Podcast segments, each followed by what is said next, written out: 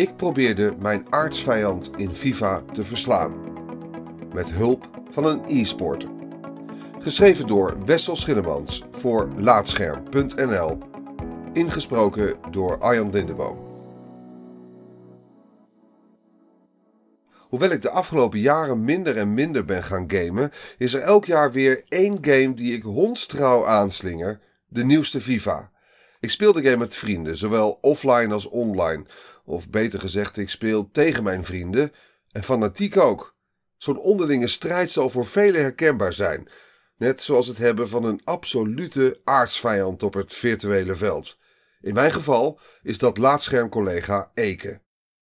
Eke is het type speler waarvan veel FIFA-fanaten er wel eentje in hun vriendenkring hebben. Hij is die guy die 9 op de 10 wedstrijden wint en geen moment voorbij laat gaan om het in je gezicht te wrijven. Hij tagt je op Facebook onder hele domme, kinderachtige en frustrerende FIFA-memes. Hij kijkt je aan met een triomfantelijke grijns nadat hij je Jantje heeft gegeven, oftewel binnen no time met 3-0 voor staat. Trash talk heeft hij tot kunst verheven en het ergste is, hij is ook gewoon goed. Je zou hem wat dat betreft de Zlatan Ibrahimovic van de lage landen kunnen noemen. Waar het niet dat Zlatan met zijn grote woorden en daden tientallen miljoenen heeft verdiend.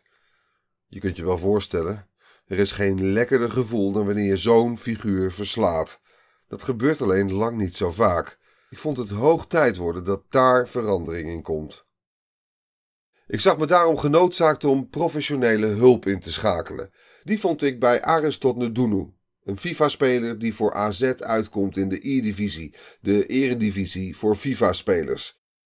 Omdat FIFA voor mij een hobby is en dus niet aan moet gaan voelen als werk, is tientallen uren trainen uitgesloten. Daarom vraag ik Aristot om enkele algemene tips die ik meteen kan gebruiken. Die heeft hij gelukkig voor me, zowel in verdedigend als aanvallend opzicht. Verdedigend zou ik L2 gebruiken, zodat je verdedigers niet statisch zijn en switch van poppetje met je rechterstick in plaats van L1. Laat hij me weten. Helemaal zo'n gek idee niet, aangezien ik met mijn kamikaze-verdediging veel te snel toehap. Als ik dan eens wacht op een tegenstander een actie maakt, heb ik de draaicirkel van een grasmaaier. Aanvallend is R1 plus kruisje heel handig. Een strakke inspeelpaas, vervolgt Aristot. En ook hier zie ik meteen voor me hoe dit kan helpen.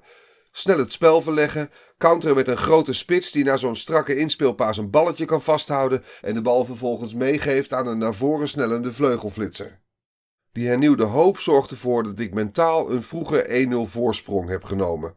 Het is tijd om de tips toe te passen. Een vast tweeluik tijdens onze FIFA-avonden is Liverpool-Napoli. Liverpool omdat Eke hier van jongs af aan fan van is en Napoli omdat ik merk dat dit team hem het slechtste ligt. Zo'n eikel ben ik dan ook wel weer. Eke is niet altijd bestand tegen de snelle passing van de relatief kleine Napoli-spelers.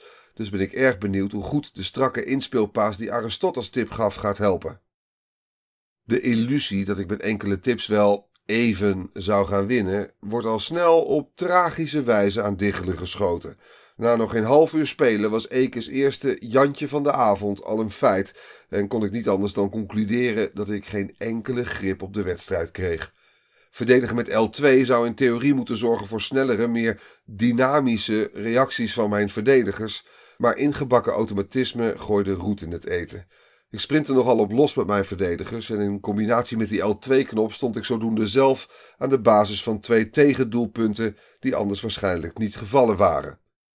Met veel pijn en moeite wist ik de achterstand tot de rust tot 3-0 te beperken, om in de tweede helft plots een stuk beter te spelen de L2-knop paste ik alleen nog toe in situaties waarin aanvaller en verdediger één op één tegenover elkaar stonden. Hierdoor bleef een volgende blunder uit. Eke en ik scoorden uiteindelijk allebei nog een doelpunt, waardoor de wedstrijd eindigde in een 4-1 verlies. Hoewel ik hem vooraf niet had verteld over de tips die Aristot me had meegegeven, kreeg ik tot tweemaal toe een compliment over de strakke inspeelpases die ik over het veld strooide. Na de ruime verliespartij was het tijd voor de returnwedstrijd waar de rollen plots omgedraaid waren. De goed tweede helft van de eerste wedstrijd zorgde voor zelfvertrouwen en binnen een mum van tijd stond ik met 2-0 voor. Daarbij hielp het dat ik de poppetjes op mijn middenveld net iets anders had weggezet. Ze stonden minder dicht op elkaar en de balans tussen aanval en verdediging was simpelweg stukken beter. Bovendien zette ik meermaals succesvol de strakke inspeelpaas in om snel het spel te verplaatsen. Zo verliep de wedstrijd een stuk meer zoals ik me vooraf had ingebeeld. Na een iets wat rommelige tweede helft won ik uiteindelijk met 2-1. Qua onderling resultaat staat het naar onze klassieker 1-1 in winstpartijen. Precies de verhouding waar ik vooraf al op hoopte. So far, so good. We vervolgden de avond met een nieuw tweeluik. Paris Saint-Germain tegen Bayern München, waarbij ik met het Franse sterrenelftal speelde. Ik overdrijf niet als ik zeg dat dit de beste wedstrijden waren die we ooit tegen elkaar speelden. Het niveau lag hoog, we combineerden er naar hartelust op los, maakten beide weinig fouten en er werden professionele overtredingen gemaakt waar zelfs Mark van Bommel u tegen zou zeggen. Maar tot twee keer toe viel de uitslag uit in mijn nadeel. De eerste pot verloor ik met 2-1, terwijl ik gevoelsmatig minimaal gelijk had kunnen spelen als mijn afronding beter was geweest. In vijf seconden tijd drie schoten op doel lossen met Neymar, dan moet die bal er toch gewoon in. De tweede wedstrijd leidde ik lang met 2-1, maar Eke was zijn zenuwen weer eens beter de baas en wist de achterstand om te buigen naar een 3-2 overwinning. Mijn spel was door de tips van Aristot weliswaar een stuk beter geworden, maar als vanouds stond ik met lege handen. Het laatste tweeluik van de avond was een eredivisie onder onsje. Ik speelde met Heracles Almelo, sterspeler Bradley Kuwas, Eke met FC Groningen, sterspeler Mimoun Mahi. Het niveauverschil met de teams waar we eerder mee speelden was nog groter dan we vreesden. De enige goal van de eerste wedstrijd werd gemaakt door, jawel, mijn aardsvijand. Het doelpunt viel uit de lelijkste scrimmage ooit en daarmee verloor ik op de lelijkst mogelijke manier. Vier uit vijf verloren. Ik zat met mijn handen in het haar. Als wanhoopspoging ging ik in de return vol op de aanval. En toegegeven, scoren lukte me makkelijker dan ooit. Met mooiere doelpunten dan door de sterspelers van veel grotere clubs. Verdedigend liet ik logischerwijs de nodige gaten vallen. De wedstrijd eindigde in 3-3, maar afgaand op de wedstrijdstatistieken deed ik mezelf behoorlijk tekort met dit doelpuntrijke gelijkspel. Met meer balbezit en zoveel meer schoten op doel hoor je gewoon te winnen. Ik vond de geboekte resultaten niet om over naar huis te schrijven. Eke, de beste speler tegen wie ik het ooit heb opgenomen, was het daar niet mee eens. Mijn spel was duidelijk verbeterd en ons niveau lag nooit eerder zo dicht bij elkaar, zei hij. Misschien is dat al een overwinning op zich.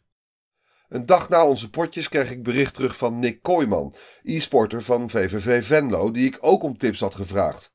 Oeps, ik zie dit bericht iets wat te laat, maar volgens mij speel je vaker tegen hem. Ik denk wel een aantal tips te weten waar je wel wat aan hebt. Laat maar even weten. Ik voel het vuur weer aanwakkeren. Eke, je bent nog niet van me af.